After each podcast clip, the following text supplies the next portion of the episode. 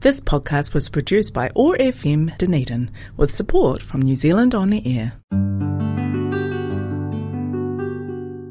It's time for Muslim Chaplaincy Conversation at OAR FM Dunedin. Bismillahirrahmanirrahim. In the name of God, most gracious, most merciful. Assalamu alaikum, which means peace be with you in Arabic. My name is Arina Aizal and I'll be your host for the Muslim Chaplaincy Conversation. In today's episode, we have an interview with Sister Nouran El-Hawary, a PhD scholar in social anthropology at the University of Otago. We begin though with a recitation of the Quran by Sheikh Mishary Alafasy, Surah 30, Ar-Rum, the Byzantines, verses 1 to 9. The opening of the verses are about the reversing fates of those whom Muslims at the time of the revelations considered friends and enemies. بسم الله الرحمن الرحيم ألف لام ميم غلبت الروم في أدنى الأرض وهم من بعد غلبهم سيغلبون في بضع سنين لله الأمر من قبل ومن بعد ويومئذ يفرح المؤمنون بنصر الله ينصر من يشاء وهو العزيز الرحيم. وعد الله لا يخلف الله وعده ولكن أكثر الناس لا يعلمون. يعلمون ظاهرا من الحياة الدنيا وهم عن الآخرة هم غافلون.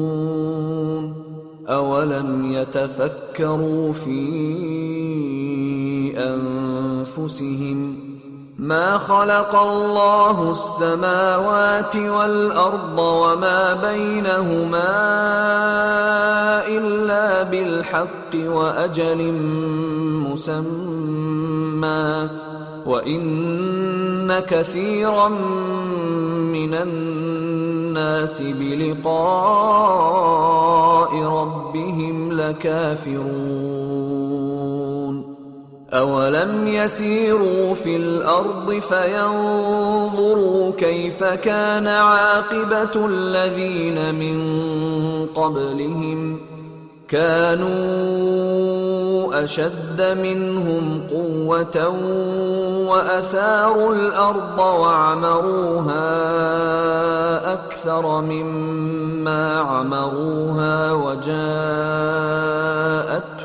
رسلهم وجاءتهم رسلهم بالبينات فما كان الله ليظلمهم فما كان الله ليظلمهم ولكن كانوا انفسهم يظلمون Translation of the recited verses In the name of God, most gracious, most merciful. Alif Lam Mim. The Byzantines have been defeated in a nearby land. They will reverse their defeat with a victory in a few years' time. God is in command first and last. On that day, the believers will rejoice at God's help. He helps whoever He pleases. He is the mighty, the merciful. This is God's promise. God never breaks His promise, but most people do not know, they only know the outer surface of this present life and are heedless of the life to come. Have they not thought of their own being? God did not create the heavens and earth and everything in between them without a serious purpose and an appointed time, yet many people deny that they will meet their Lord. Have they not traveled through the land and seen how the predecessors meet their end? They were mightier than them. They cultivated the earth more and built more upon it. Their own messages also came to them with clear signs. God did not wrong them, they wronged themselves. We will now have the interview with Sister Nuran. Assalamu alaikum, Sister Nuran. Wa alaikum assalam. Thank you so much for being here today on uh, Muslim Chaplaincy Conversation. And thanks a lot for having me with you. Uh, would you mind introducing yourself to our listeners? Okay, so my name is Noran in a Kiwi accent, but Nuran in uh, Arabic. And uh, I am a PhD candidate in social anthropology program at the University of Otago. I moved here almost a year ago uh, from Cairo, Egypt, and I came here from uh, all the way from Cairo to pursue my PhD in social anthropology with my family, my husband, and my daughter. Mm-hmm. So you've got family here. That's good. Yes, yeah. Let's talk about growing up in Egypt. Can you tell us about your hometown? So I was I wasn't born in Egypt, but I was raised in Egypt. I was born in Dubai, UAE. Then my family moved when I was three and a half to Cairo, and this was actually the norm for many families in Egypt to immigrate with an E to the Gulf countries. So it was an opportunity for them to upgrade uh, career wise and to accumulate wealth. But my dad chose to come back. Uh, he didn't spend so much time working there. So I was raised in Egypt since ever. And uh, I raised in Cairo, but I also have origins in countryside. So my dad is from uh, Delta rural village, and my mom from uh, Mediterranean coastal city. So s- sometimes I feel that I belong to Cairo, but I also have origins otherwhere. And uh, Cairo is a fascinating city. It's a city that accommodates 30 million people, and it's a city of multi-layer of history. Um, but at the same time, sometimes I feel it's kind of uh, the culture of Cairo very dominant to the other sides of of of, of the nation of of Egypt. So I feel yeah I'm mixed between my countryside and coastal origins, and at the same time Cairo life. Um, yeah, I think that's all. Mm, that's a good mix as well. Yeah. mm, to experience both lives. Yes, exactly. Yeah. Um, can you tell us about your family? Yeah, so I was born into a journalist family. My both parents work as journalists. Um, so, and this is very ironic because I was surrounded by so many newspapers and I never felt like I'm curious to read newspapers. Um, and, but I mean, being accumulated by a family that loves to read and always be having conversations kind of intrigued so many interests and exposed me to so many things. Um, yeah, so, but both par- my both parents, they have different styles. My mom has more investigative journalism. My dad uh, managed uh, many um, journalistic uh, like institutions. Uh, but yeah, I think both kind of having different outlooks into also how practicing journalism and both coming from um, like they have like different uh, ideological inclination.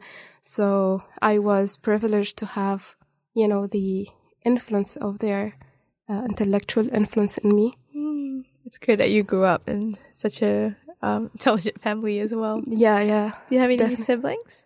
I have one who's uh, six years younger, uh, and he kind of differs from uh, the other member of this small family because he is uh, an engineer in solar energy. Wow. So yeah, he's more like practical and uh, into the applied field of engineering. Is he in Cairo as well? Yeah, he's he's in Cairo, based in Cairo. Um, can you tell us about school in Egypt? So yeah, my schooling was very mainstream school schooling. Um, um, it doesn't have like much um, interesting stuff to say. Um, yeah, I think What's the system like? it was like very influenced by the mainstream educational system in uh, that is managed by the government. Um, but it was kind of private because my school has a, it it used to have this kind of additional subjects in English and French, and the added French in the uh, when I was like from the age of eleven, I think. so Or- you, you've learned 10. English and French. no, not really, not really. Yeah, the French was really. Um, I think it wasn't uh, tutored to us as a student in a way that allows us to practice it. So it was actually to memorize and then to get an exam, but then you forget it afterwards. Um, what about religious studies? Religious studies, it's very interesting thing. Um, I mean, it's a very interesting question because I feel I was privileged in the way that, um, like, faith has been um, passed on to me. So I, we hail from a family that proudly announced itself as Beit Quran or the house of the holy book Quran. Um, my grandpa was uh, an instructor or Azhariyat, an instructor in Az- Al Azhar institution, uh, institute that teaches until high school, but it's an Azhariyat system that is different from the mainstream education a bit. And uh, the grandpa of my dad from his mother's side was also a scholar in Al Azhar. So we have this kind of, you know, um, Sahih al Islam or the true essence of Islam being, uh, you know, ingrained in in our generations, and the I mean at the time, especially from my parents' generation, like their like their time at universities, a very um, kind of um, transformation happened socially and culturally with a wave of Islamization in 80s where you feel Islam became so much commodified, you know, and uh, there is a political use of it. But I feel that the like the the fact of being raised in in such a family with such a history immuned me from having this kind of radical you know not radical in terms of like they are you know being inclined to be jihadist and mm-hmm. joining isis or daesh but in terms of you know not understanding the true essence of islam you know mm-hmm. what is islam is all about and understanding that Islam is all about al jihad al akbar, the great jihad, is actually jihad is is how to discipline yourself, you know, and how orienting yourself. So I feel I was privileged in that term because some kind of um, especially the the time of 2000 I I got exposed to this uh, flourish of a phenomenon called the Islamic televangelicals you know? And anyone you know can talk about religion not the true people or the scholars of al-azhar or the people who had ijaza or passing a certain degree in religions uh, you know sciences or like disciplines. It's good that you grew up in that kind of family that you know you receive ed- ed- education that way, and you saw Islam uh, as like the core. yeah. Yeah exactly Do you have any childhood memories that you treasure from being in Cairo? Uh, yes, I have a lot. And, uh, you know, experiencing some kind of homesickness kind of, you know, pronounce this kind of memories. So I was just kind of indulging in this memory of my dad, you know, having or organizing trips to the medieval part of, of Cairo, Khan el Khalili, and to the many like marvelous mosques of, of Cairo. And then that made me print some, you know, colored uh, photos of these places and just, you know, hanging them on the wall in front of my desk. It's good that you brought you know photos of that. yeah. Can, yeah, remember that when you're homesick. yeah. Um, let's talk about your studies before you came to Otago. So, can you tell us about your undergraduate Yeah. Mm. So my undergrad, um, so I was kind of kn- kn- knew what I wanted to do. I love, I love people. I love I'm interested in cultures. I'm interested in why people do the things that they do and how they do it differently across places and times. So I said, okay, that's, that's me and that. I want to study sociology. So I was declared from the gate that I want to study sociology and I studied sociology in the American University of Cairo. And then I minored as well in history. But unfortunately, I, you know, near my graduating uh, semester, senior semester, I discovered that I, I, I don't want sociology anymore because not because of sociology, but because the, like the dominant figures um, who dominated the school of sociology in my university. So it was very urbanite, very classist, and um, not really critical. And sometimes they reproduce colonial gaze on our society and cultures. And I've always felt uncomfortable, but I didn't know how. So, for example, I, I told you that I was raised in Cairo, but we are not originally from Cairo. And you see those people very comfortable in their own privilege and they don't even announce this privilege and always like you know you study like those people on in rural areas you know and how like still they have to be civilized mm-hmm. so all this kind of narrative that reproduce them as the other you know within the same country so I saw light in social anthropology because it was so critical, even to the language that we use in how we study communities.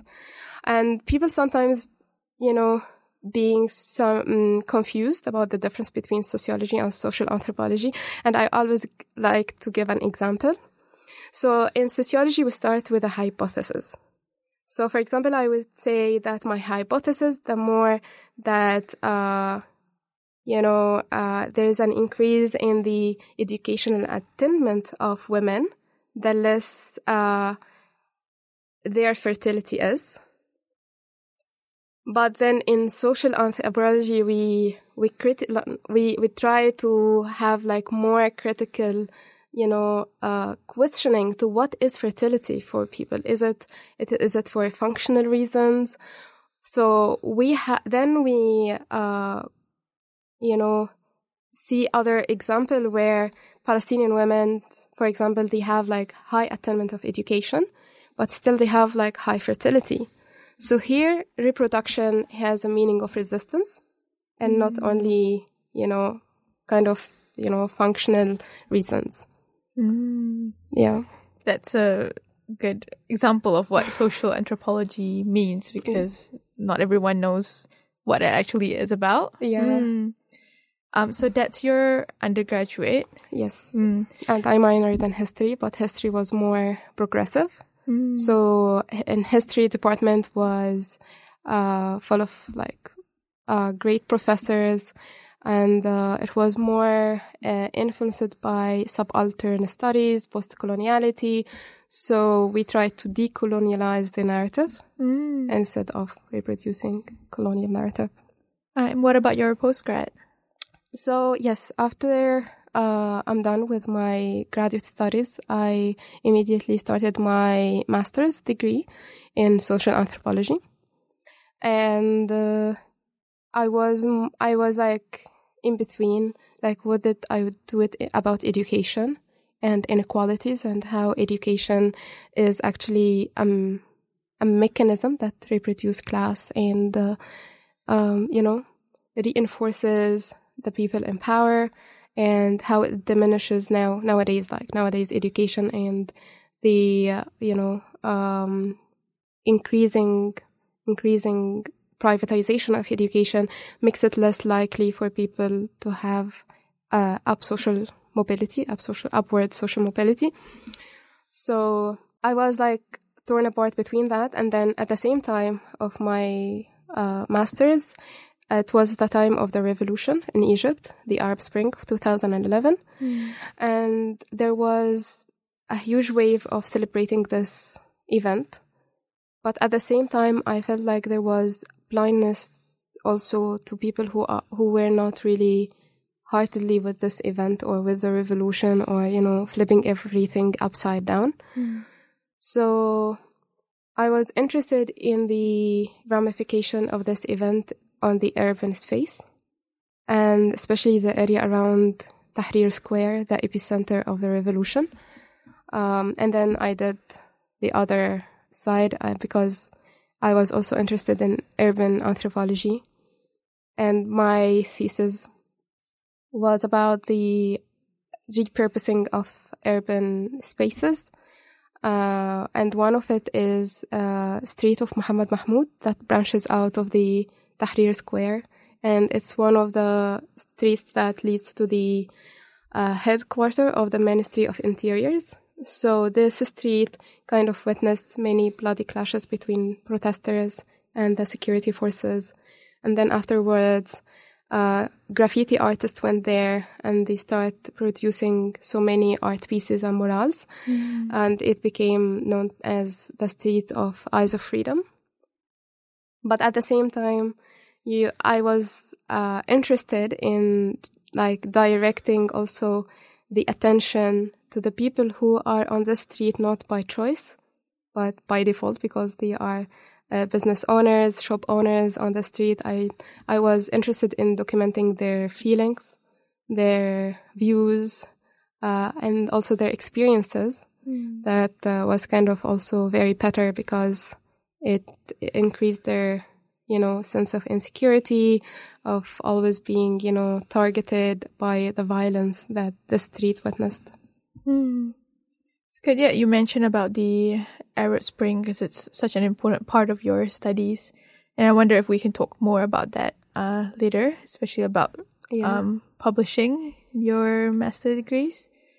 Um, so that was in Egypt. You Mhm. also did um, some studies in Lebanon. Mhm. tell us about that? Yeah. So this was my thesis, the first thesis. So it was like knowledge for the knowledge. And uh, I then was eager to work. And for people who come with like a degree of uh, social sciences, we can find work in the field of uh, international development, INGOs. And I started working for INGOs. And uh, by coincidence, uh, I worked as um, advocacy officer, but I didn't really understand any kind of human rights tools and you know uh, mechanisms and how it really works. So I've always felt the e- like the eager to study something that is more relevant to the field of my work. Um, but it was also by coincidence that I found this opportunity to study in the University of St. Joseph Beirut, and it was funded by the European Union. So it was very rare to find any funded scholarship or opportunities that fund uh, studies from global north to global north. Uh, sorry, global south to global south instead of global south to the global north. So I felt it's really good expe- like experience also to find out how it is uh, for you know similar circumstances uh, or country with a similar kind of classification, you know, as Arab or medium low income country. So I was interested to go and discover my, by myself how it is like. And also I've always been fond of Lebanon because many of uh, like famous Arab thinkers coming like from Lebanon and uh, the influence of the development of theater in Egypt in the 19th century and late uh, uh, in 20th and late 19th century also journalism. So i was also eager to go and live in in lebanon. Um, so that's why i i went and i st- i uh, started my studies in a, a program called democratization human rights and democratization so i studied more uh, profoundly the human rights systems, mechanisms, uh, tools. Um, I also had very nice uh, courses that is more like political science, political economy, um, And part of this um, program is to carry out the second semester in three countries, Arab countries, Tunisia, um, Jordan, or Morocco. And I chose Morocco.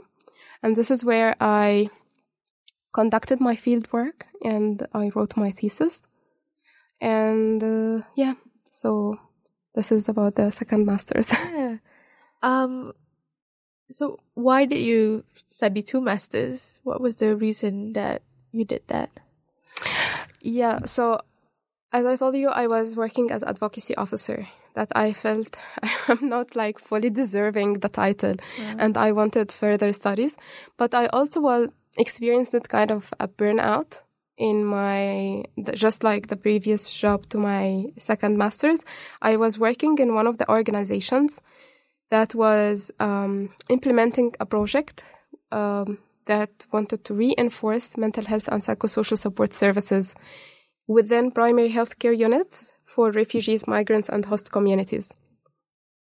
So, on paper, the project seemed really perfect, but in reality, it failed in my assessment and uh, other people assessment as well. So I spent seven months and I even cannot really justify it even for the beneficiaries, you know. So the the flow or the setback of this project was two main things. First, that mental health, it, it is not that it is not essential, it's essential, but also refugees in, in Egypt, they lack protection. So I felt like the way that the project was written is basically to flatter with a global health policy that, you know, it is very trendy to reinforce mental health. But at the same time, it didn't read the context very well. We have to understand the context where we apply this project. And second, that uh, the primary healthcare units where they wanted to integrate mental health support services is actually in a very decaying system. And this is due to the, you know, having a long history of, you know, neglecting uh, public health sector in Egypt. So that's why I also felt like, oh, okay, having a break to study is also very good. You mentioned that from Lebanon, you went on exchange to Morocco. Yeah. Can you tell us about that experience? Yes, sure.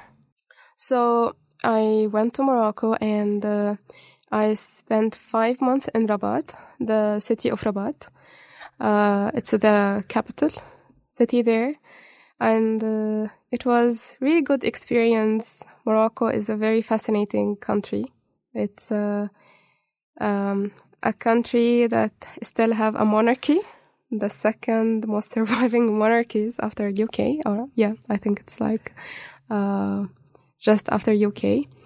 Uh, but I also felt like there is so much development going on. And uh, luckily, we are different from Egypt because they had a strategy, a national strategy to manage and normalize uh, refugees and migrants uh, within Morocco.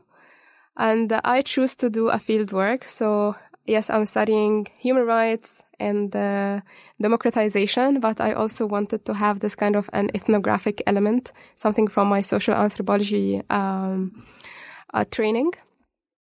So I said, okay, I'm going to study the refugees and migrants' access to health within Morocco and studying uh, that uh, through just focusing on a neighborhood. It's called Yusufia. And in this neighborhood, it has a dense, um, like, uh, concentration of migrants and refugees from West Africa.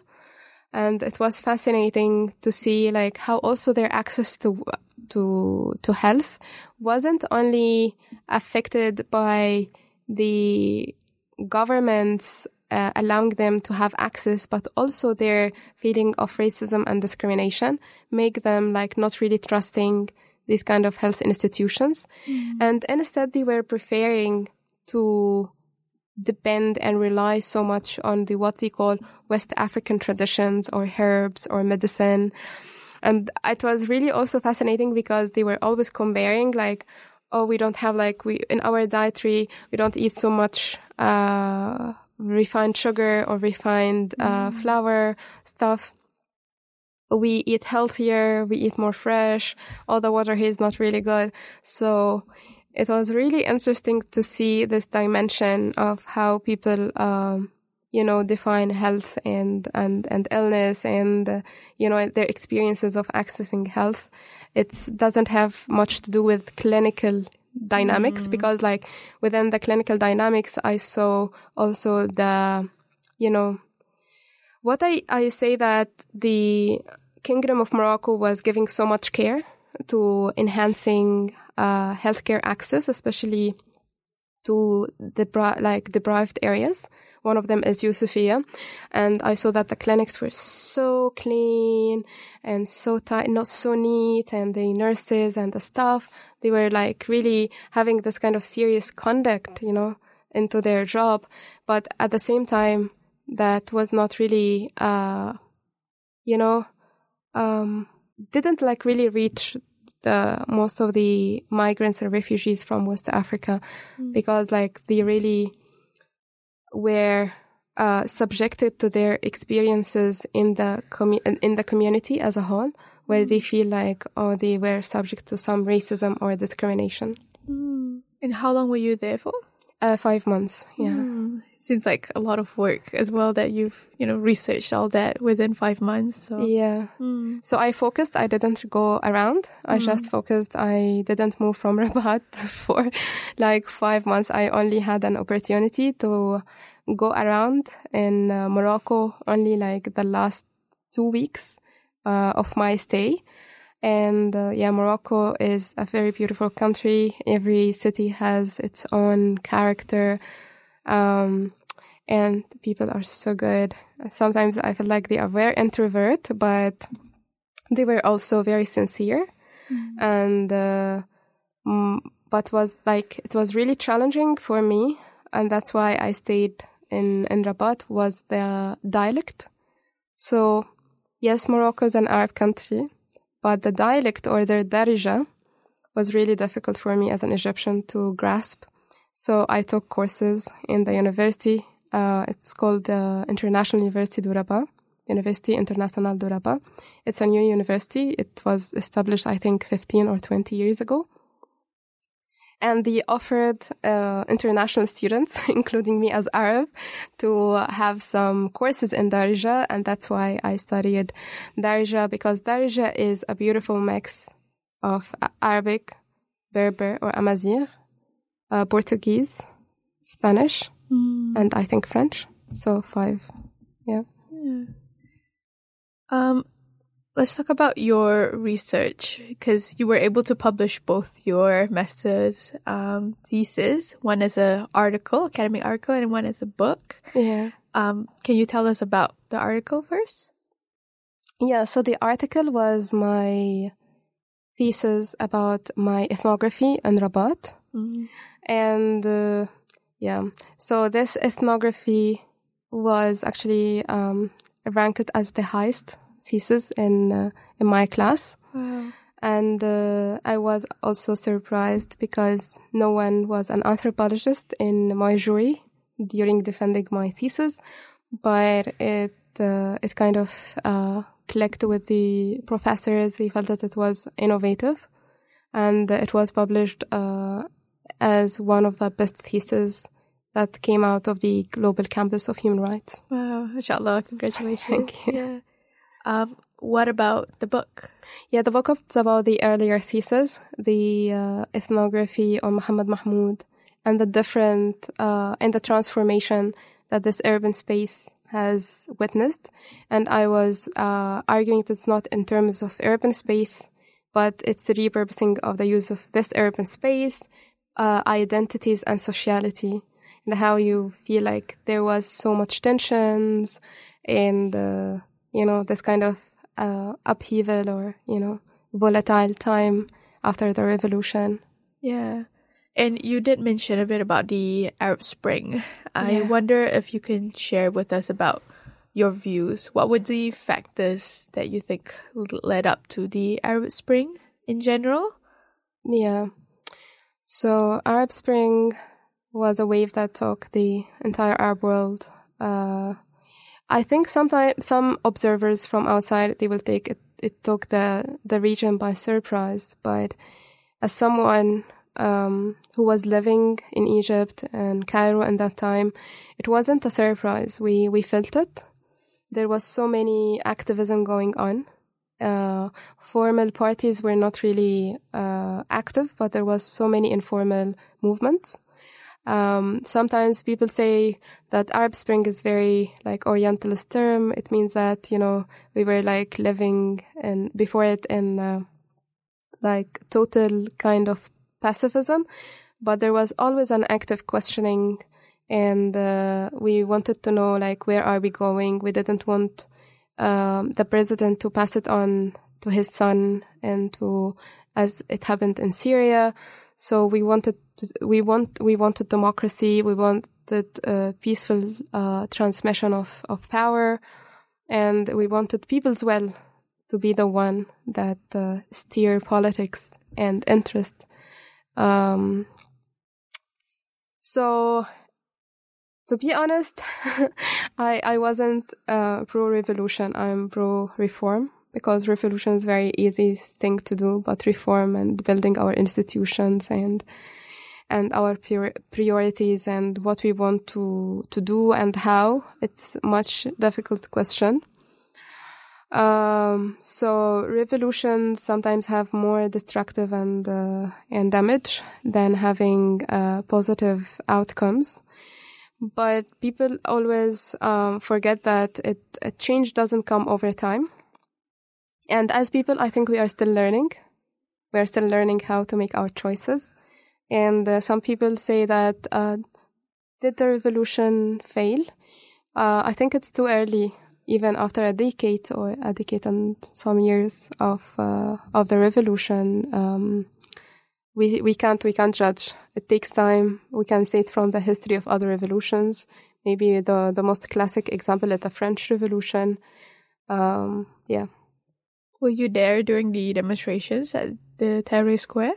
No, I wasn't because I was locked in. Uh, I was visiting my grandma uh, in uh, in uh, my mom's coastal uh, city, mm. so I was locked there. So we were actually uh, observing the revolution from far. Mm. Do you see any consequences to Egypt when that happened? Yes. So uh, we like it was a euphoric moment. We felt okay, we dared and we succeeded and we toppled Mubarak after 30 years of uh, ruling. So it was so euphoric, and then we felt we we we could do it, you know, and we did it. And uh, now everything seems unstoppable for us, and uh, there was like a new pride kind of defined. And uh, we had even very nice slogans like you know raise your head up you are egyptian and uh, all these kind of slogans. And then we had uh, elections and people were taking it seriously and we had like the first elected president and then we had a military coup in 2013 and here it's like a major setback mm. yeah so lots of change happened since then. Yeah, yeah, but we are still, still, it's a process of learning. Yeah. So we learn that there's no magic solution. That we have uh, to know that, uh, yeah, democracy is the solution. Uh, there is no magic, uh, you know, uh, like solution coming from the heaven, like from from the sky. We need to work this and rework this within ourselves, and we need to, yeah. Mm. Um, and now you're in New Zealand doing a PhD at Otago. Can you tell us why you chose Otago? So I chose Otago because I got a scholarship here. so it's a funded opportunity. Uh, I was trying to apply in European universities. I was only like uh, shortlisted, like was like the second candidate in one of the universities in Netherlands. Uh, but then I got the opportunity here in Otago, so I moved here. Um, did you know much about New Zealand before you came? No, not really. Like my, yeah, my level of knowledge was very modest. And uh, here I am. I'm learning everything. I have even a lot to learn. Mm. Uh, yeah. Um, so you started last year When do you finish your PhD? I'm expected to finish to submit in Feb, inshallah, 2026. Mm. So a few years more. yeah. Um, so can you tell us about your studies right now? Yes, for sure. So my study is uh, uh, also a critique, but it's a critique to the New Zealand uh, refugee uh, strategy. I try to see um, how, in reality, people experience uh, um, the state of well-being, especially refugees from Arab background. So the fourth outcome encloses that uh, about health and well-being, and it defines well-being in terms of mental health only. So my research questions three things: Are former refugees capable of like achieving this state of well-being only like only accessing mental uh, mental health services and facilities?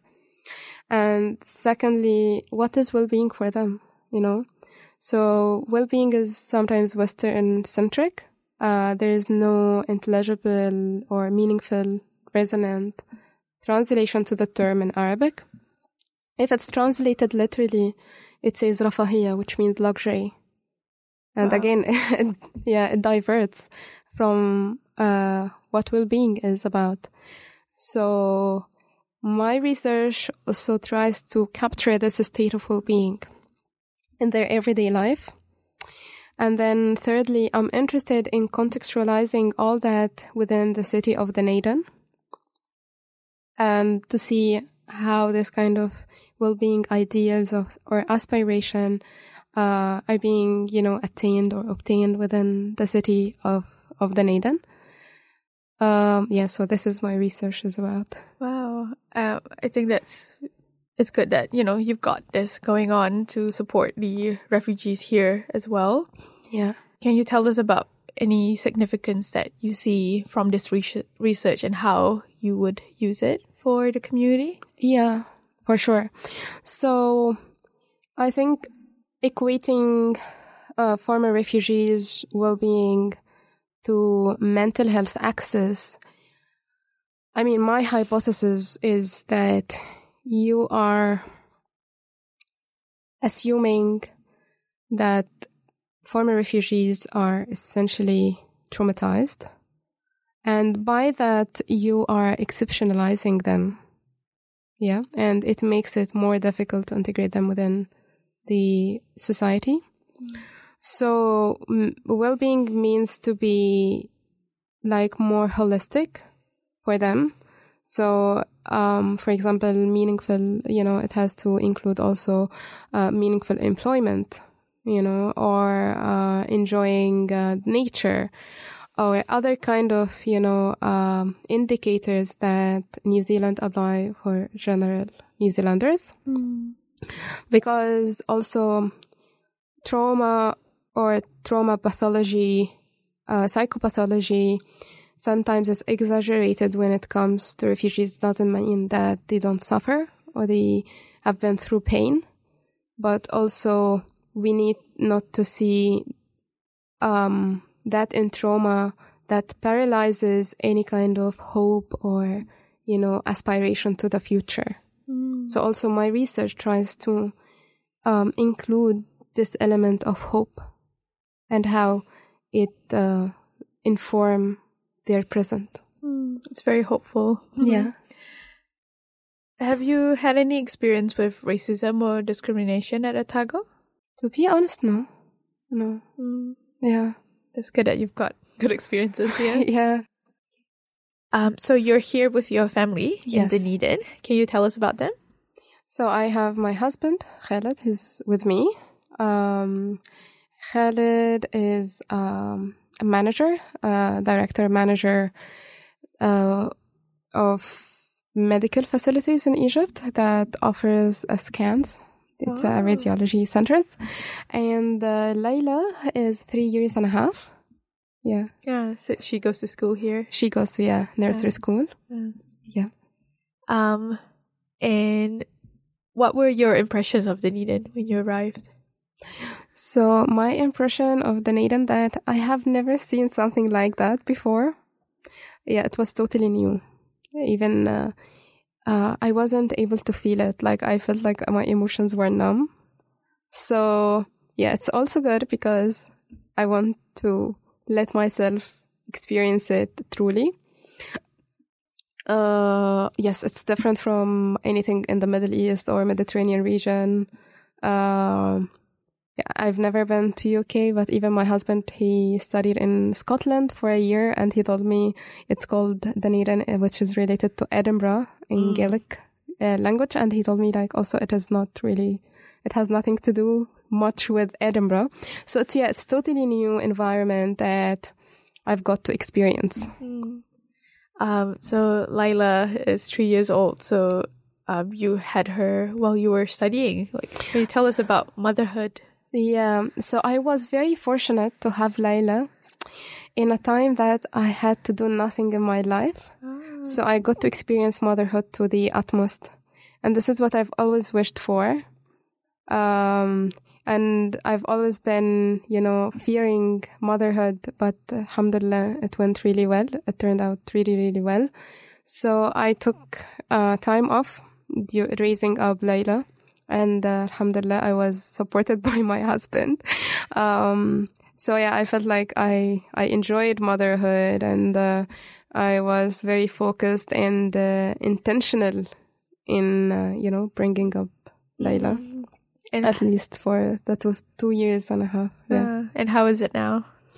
Uh, so now there's some changes but i would say that here since i came it's very mother friendly so, for example, when I came first month and I had so much, so, so many meetings with the head of the, of the program, of my professors, supervisors, and uh, she used to move with me around the campus. Mm. And, uh, yeah, I felt that it's very mother friendly, accepting, no mother shaming at all.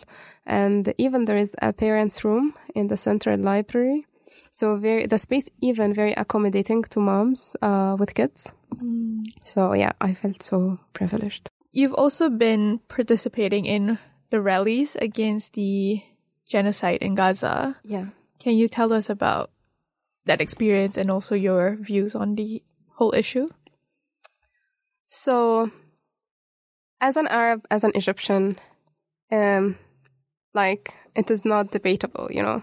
Palestinian cause is like most righteous cause in the entire world and uh, I felt lucky to be here because unfortunately it came a time where like supporting Palestine for Arab nations became unfortunately uh, an issue of debate back home, you know. So we had this kind of an explicit normalization with Israel, uh, with no regard to the feeling of the what we call it Shara al Arabi, the the Arab street, you know, meaning the publics. So governments are very uh, complicit. Uh, I am speaking of Egypt, but people are not. People are people's heart, minds, and prayers fully with with with Palestine.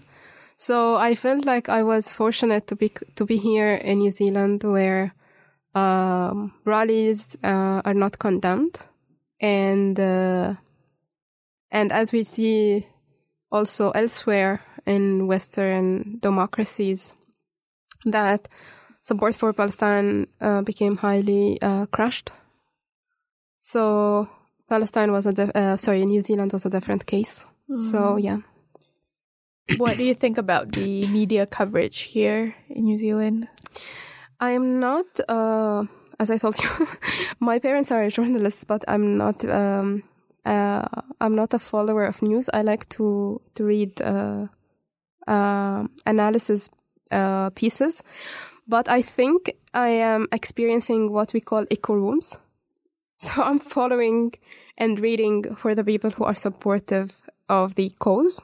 Mm. So this is the state where I am, the echo rooms. Are you on social media as well? Yeah, yeah. Mm, what do you think about that? Yeah, social media also it's an echo room, so you got to hear the people who are with you on the same page. Mm. You know, The algorithm and all that as well. yeah, algorithm, and uh, I myself I don't bother really um, reading for um, and listening to other people, but what we are witnessing that um, Palestine or Palestinian cause is not now exclusive for Palestinians and Arabs. It became an international movement, you know, calling for social justice.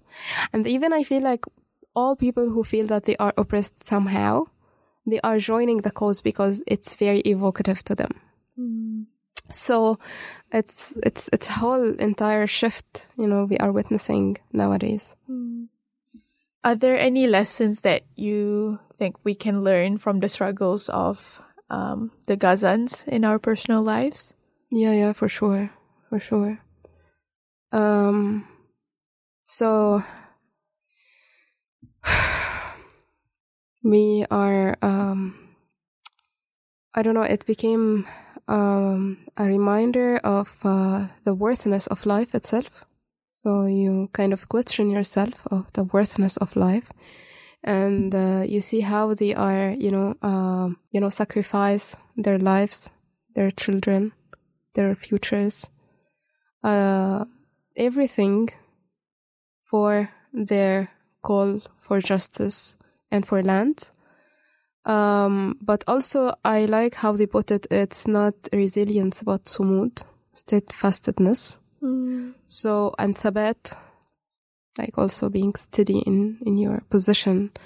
Thabat wasumud, uh, iman, also having a deep faith. Mm.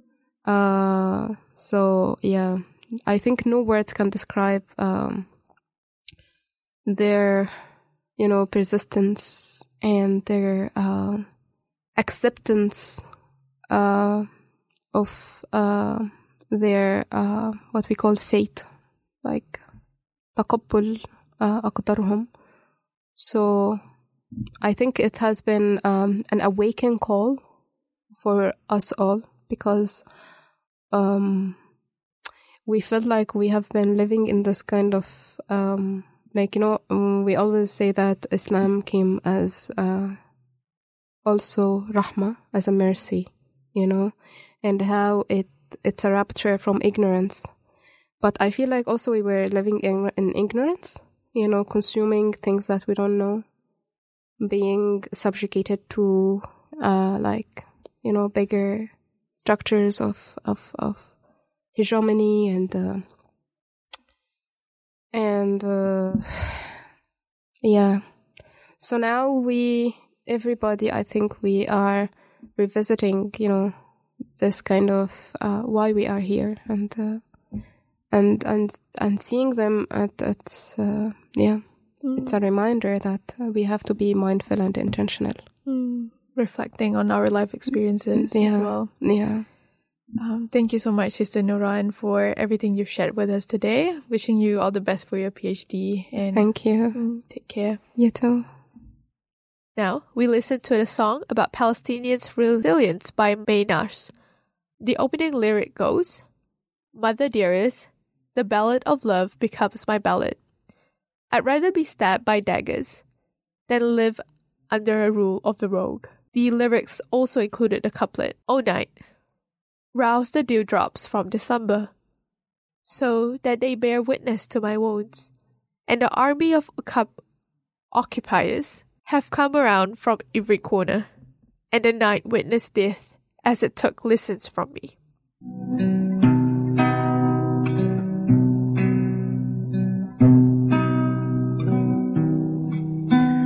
يما ويلي الهوى يما ويلي ضربي الخناجر ولا حكم النادل فيا يما ويلي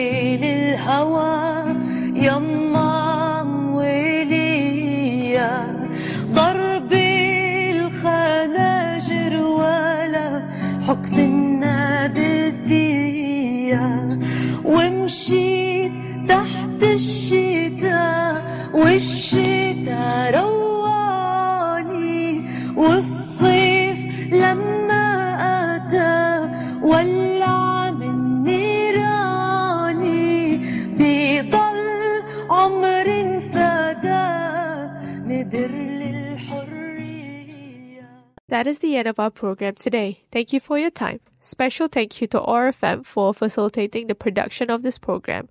I should add that the views expressed in this podcast do not necessarily represent the views of Otago Muslim Chaplaincy as such.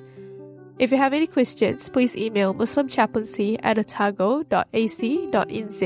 We hope to see you next time, inshallah, God willing. Assalamu alaikum.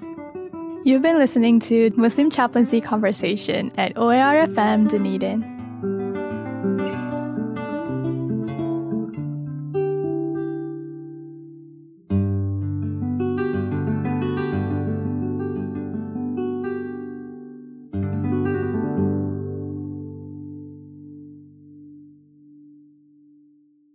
This podcast was produced by OAR FM Dunedin with support from New Zealand On the Air.